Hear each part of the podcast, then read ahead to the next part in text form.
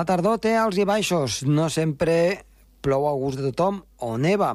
De fet, al llarg d'aquest pont de la Puríssima baixen una mica les temperatures, però de neu ben poca. No ens podem queixar. Els últims anys hem tingut neu. Aquest any, justament en aquests dies en què voldríem potser una mica més de neu, resulta que arribaria al cap d'unes jornades. Una situació, però, ben normal al Pirineu. La tardor té alts i baixos. Comença el torn.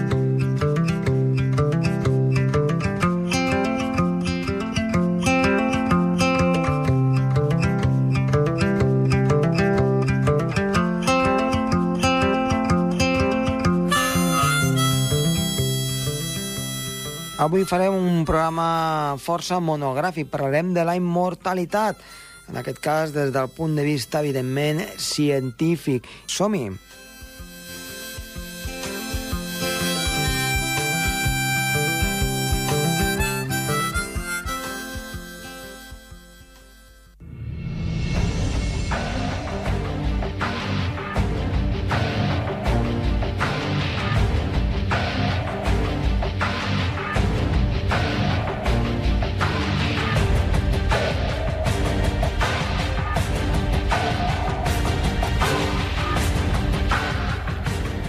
A l'entrevista d'avui tenim el nostre company, amic, en aquest cas, Pere Moliner.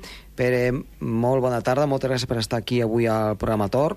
Molt bona tarda, el plaer és meu. Avui parlarem d'un concepte que crec que és eh, molt interessant, parlarem de la immortalitat, però des del punt de vista científic i ens agafarem una mica a les paraules d'una persona, José Luis Cordeiro, que ens ha fet diferents llibres, però un d'ells parla precisament sobre la immortalitat i diu això, assistirem a la mort de la mort abans de l'any 2045.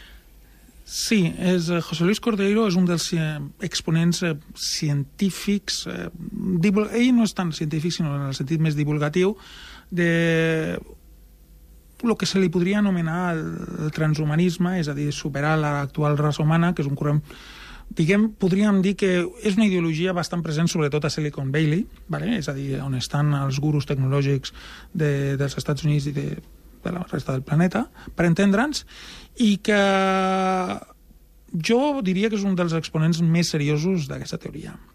Què és el que diuen? Doncs diuen una cosa tan simple i tan senzilla com que no tenim per què morir-nos, que és una cosa que havia dit mig en broma l'Eduard Putset, deia dient, jo no, no està clar que jo m'hagi de morir, però ells ho diuen d'una manera més acurada i més avançada. Diuen que la, els actuals avenços científics ens eh, portaran a que en 25-30 anys eh, podem, eh, podem no morir-nos, podem ser immortals. Jo crec que és una idea interessantíssima per discutir i per debatre, tot i que penso que el 2045 la immensa majoria de la gent es morirà potser una mica en edat més avançada que ara, però eh, els estudis i investigacions que fan ells portaran de que potser el 2045 no ens no viurem eternament, uh -huh. però sí que potser viurem una mica més, més de temps. Què és la mort? Ens ho hem parat a pensar? Doncs la mort, eh, simplificant-ho molt i dient probablement moltes cometes inexactituds, la mort no és més que una cosa inevitable per ara, en l'univers. És a dir, hi ha una cosa anomenada entropia, que és la tendència, bàsicament, al caos. El caos, és a dir, el que tots sabem. El que neix, creix, es transforma i acaba morint. De fet, als humans eh, no ens agrada el que jo vaig a dir ara, però en el fons, quan, eh, quan ens morim, cometes, no morim. Què vol dir això? No vol dir una cosa religiosa molt profunda.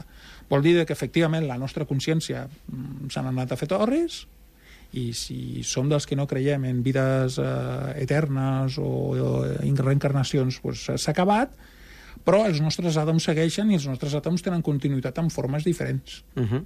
Una altra cosa és que...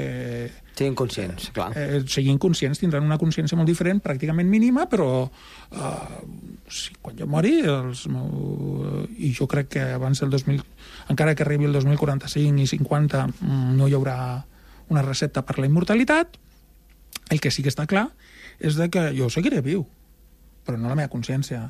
seguiré viu pues, en forma de menjar de cucs, en forma d'abonament, els meus àtoms es, es transformaran. És a dir, continuarem, continuarem existint però clar, probablement no de la manera que jo voldria o que jo desitjaria i que la, la majoria de la gent desitjaria. Perquè, en què, de totes maneres, ells es basen en, en coses. Expliquem-les. Hi ha, per exemple, les meves es reprodueixen celularment, eh, però unes amebes es podrien dir pràcticament que són els mateixos, són els mateixos organismes, pràcticament són immortals. Es poden morir, es poden sí, matar, sí. però això Sí, però és que nosaltres tenim una cosa que en teoria és un avantatge però que la pràctica no és tant, que es diu consciència. És a dir, podríem, podríem sobreviure i de fet sobreviuran els nostres àtoms. Però clar, hola, i la consciència? D'acord. Uh -huh. Per què morim? Doncs hi ha molt, molts motius. Per què ens anem degenerant aquesta entropia? De fet, torno a repetir-ho, que és el sistema del cosmos. Algun dia, en teoria, l'univers hauria de... Doncs ha crescut, ha nascut, ha de, ha de morir això no ho sabem, no sabem què passarà, però sí que és cert de que els materials es van desgastant. L'exemple cutre. Hem de ficar un exemple cutre, ja que estem molt elevats. Porto en el meu pis uns quants anys i hi ha hagut de reparar el llit, el, llit, el, el, els sostres... Clar, perquè... Que has d'anar renovant les coses. Has de renovar les coses, mhm. -huh. perquè si no es van desgastant. El Clar. pont aquest que es va caure a Gènova, què va passar? Doncs un mal manteniment o problemes de manteniment, doncs es va trencar. Llavors hem d'anar fent reparacions i manteniments. Per què això com es podria evitar? Doncs, en teoria, les reproduccions de les nostres cèl·lules, les reproduccions de les nostres cèl·lules cada vegada més tenen més tendència a, a la metàstasis, és a dir, al càncer. Uh -huh. O per què, produeix, per què hi ha una cosa anomenada Alzheimer? Doncs hi ha una cosa anomenada Alzheimer, entre altres coses, perquè eh, les neurones motiu fàcil més ràpid és que les neurones, amb més, més pas de temps, més anys, funcionen pitjor es pot això evitar i contrarrestar? Eh, com? Uh, probablement... Clar, hi, ha, hi ha tècniques però... Eh, alimentació sana, esport, etc etc. Uh, nosaltres... Això fa potser que no es degradi tan ràpid. Correcte. Però uh, ara tu i jo estem fent una cosa, que és respirar. Estem mm -hmm. respirant. Però és que això que ens serveix per viure també ens degrada. Clar, l'oxigen. Eh, l'oxigen se'ns està degradant lentament, ah, els cossos. Ens oxida, clar. Eh, la, és a dir, bueno, doncs... Eh, es pot evitar la mort, com diuen aquest, a aquesta gent? Jo diria que tot cos que té que neix com a cos i com a consciència perquè estem parlant d'això, no estem parlant de que, evidentment, el senyor Cordeiro, o jo, o tu, eh, quan ens morim, eh, evidentment, eh, seguirem, eh, els, nostres, els àtoms seguiran. Va, però estem parlant amb, amb la consciència. Doncs eh, és molt difícil, tot i que no impossible. La, les teories, hi ha diverses, en aquestes, eh, hi ha diverses teories. Llavors, les investigacions poden portar a bon lloc? No ho sabem. El que sí que sabem és que bueno, investigar més sobre com augmentar la vida pot, pot, de fet, augmentar la vida. Fins a un, top, a un topall? És difícil, 28 anys eh, com a eslògan és, és genial. Tu mateix t'has fixat, quan t'has fixat, dit... Uh. Però jo crec que pot passar com... Canviaré una mica de tema per entendre'ns el que vull basar, el que vull explicar. Havia una atleta negra dels Estats Units, no té res a veure, però torno a dir que per mi l'exemple és perfecte que són aquells atletes que als Jocs Olímpics del 1968 eh, van aixecar el puny quan els van donar les medalles Eh, per, per protestar contra el racisme als Estats Units. Van tenir després molts problemes. Llavors, un dels atletes, John Carlos, deia de que la lluita contra el racisme no era un sprint de 100 metres, sinó que era una marató de 42 quilòmetres. Doncs eh, jo que penso que aquesta teoria, com totes, de fet, les simplificacions que fem nosaltres en la nostra vida, tots els mapes mentals amb els que es movem nosaltres, són simplificacions. I llavors, penso que, per raons que ara mateix no m'hi puc imaginar, que eh, aquesta lluita contra la mort no serà un sprint de 100 metres, entre cometes, que el 2044 ja l'haurem vençut, sinó que serà un sprint, eh, un marató de 42 quilòmetres, com a mínim. Hi ha altres possibilitats de, de vèncer la mort? Doncs els, estem parlant sense parlar teòriques sobrenaturals. Els transhumanistes tenen uh -huh. una idea. Una d'elles eh, és molt curiosa i s'ha difós bastant. Jo la, la vaig veure per primera vegada a llibres de ciència-ficció. Però existeix. Eh, què és el que ens marca a nosaltres? Eh, podem sobreviure com els gossos? No i sí. És a dir, els nostres cossos no, és evident, se degraden. Però el que... què és el que ens determina a nosaltres? Els nostres cossos? El que ens determina sobretot són els nostres records. A mi m'entusiasma l'arròs de bacallà i a tu pues, no tant. És així de senzill. I, i altres coses. Entens? Són els nostres records, les nostres vivències. Si poguéssim copiar aquests records i aquestes vivències, doncs potser, potser llavors podríem sobreviure, és a dir, jo moriria d'un atac al cor, però un programa eh, informàtic avançadíssim hauria copiat tots els meus, el servei, el meu servei, tots els meus records i totes les meves connexions i, doncs, mira, eh, podríem crear una carpeta una carpeta a l'ordinador llavors eh, bé, seria una recreació, no seria el 100% fidel, però seria un 99,99, un 99%. És a dir, diguem que hauria pràcticament sobreviscut i tal. Aquesta és una teoria dels transhumanistes. Uh -huh.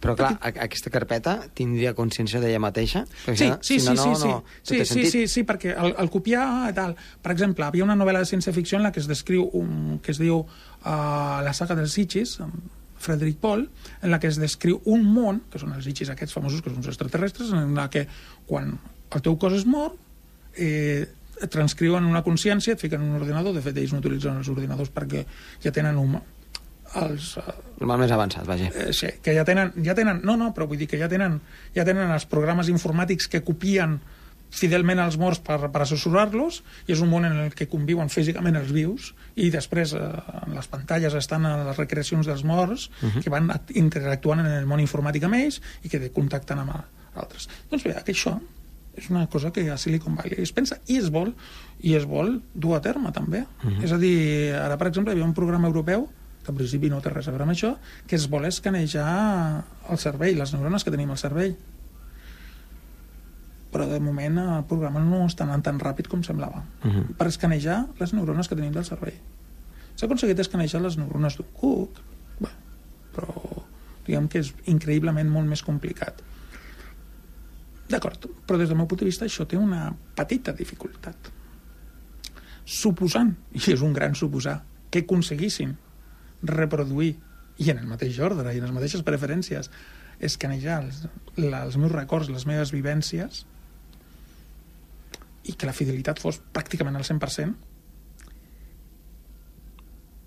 jo no estaria en un cos. Uh, fins i tot, bé, que anem a delirar encara més, que fiquessin, en fiquessin, però ens plantessin en un cos oh, creat per embrions, no sé, estic uh -huh. mirant.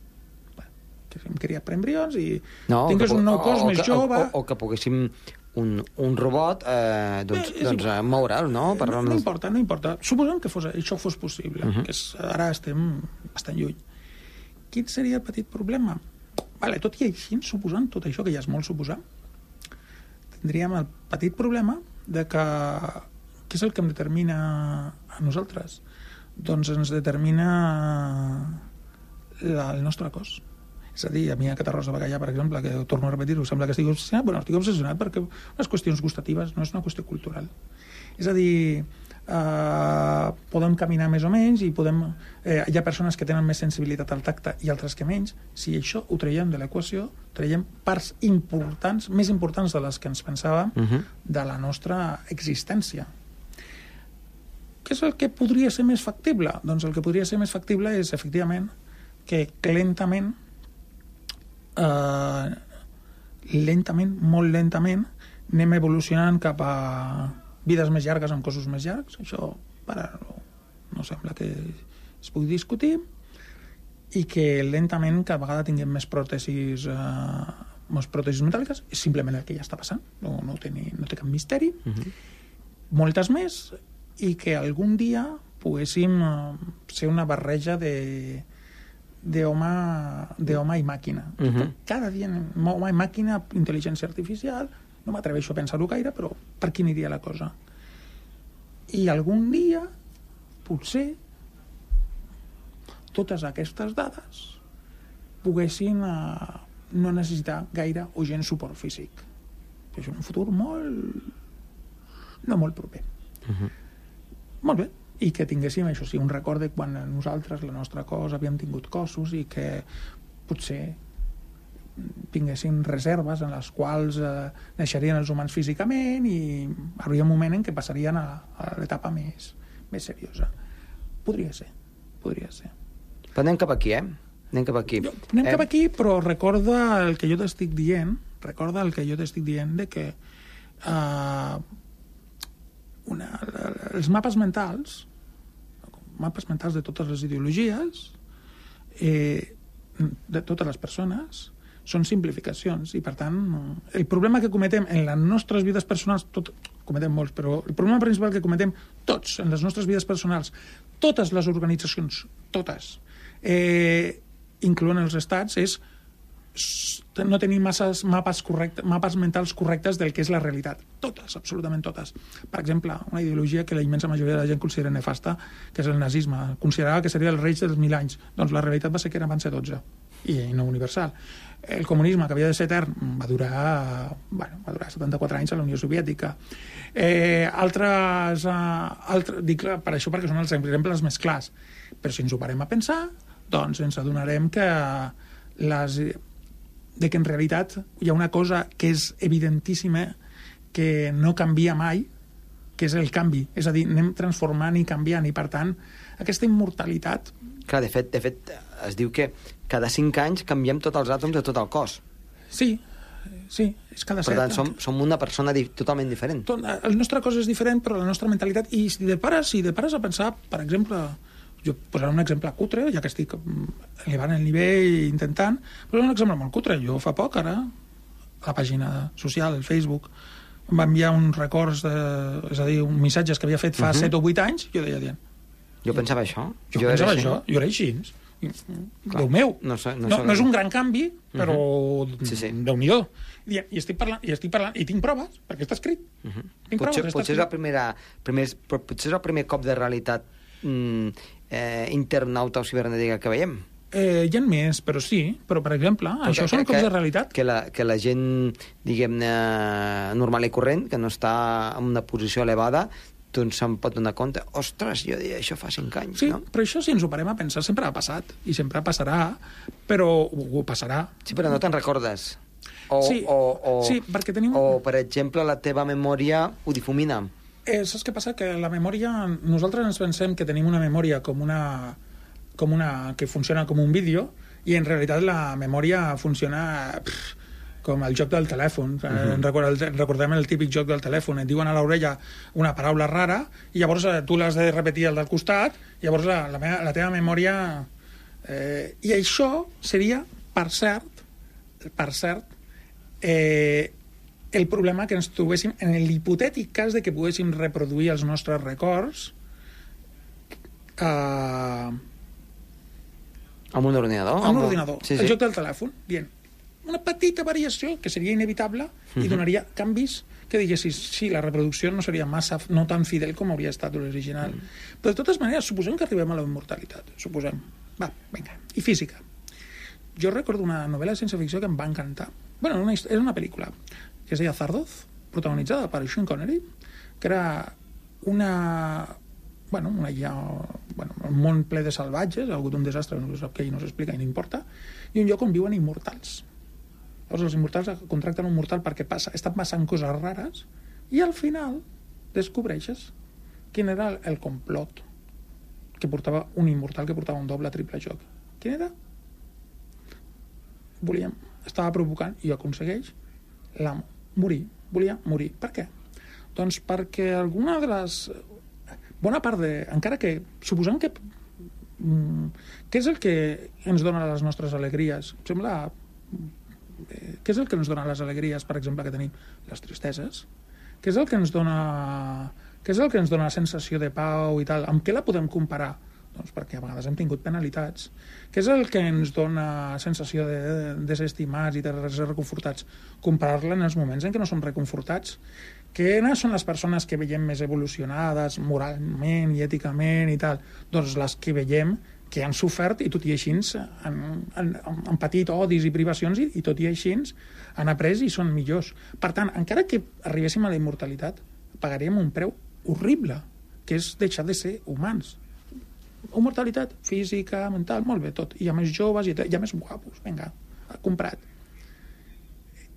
mm, com, es, com estalviaríem, com en aquesta novel·la de ciència-ficció, el patiment intern de l'avorriment i tal, i més important que això, com, és, com, com aconseguiríem que la vida valgués la pena si, si precisament el que fa que la nostra vida valgui la pena i que fem tants esforços i tals és perquè tenim un cronòmetre que ens indica que la cosa s'acaba. Que el temps s'acaba. Que el temps s'acaba. Per tant, què és el que ens fa vius? Què és el que ens fa més vius? El saber que tens un límit, no? Que tens un final. Mm, saber que ens morirem. Mm. Ens porta moltes penalitats i angoixes? Evidentment. Però, curiosament, el que ens dona més força per seguir vivint és el que ens morirem. Pere, eh, escolta, fantàstic, eh? Avui el, la reflexió aquesta sobre la immortalitat i anirem pensant i, com sempre ja ho saps, eh? aquí, quan vulguis, per una nova entrevista. Pere Moliner, moltíssimes gràcies. Fins la propera. Fins la propera.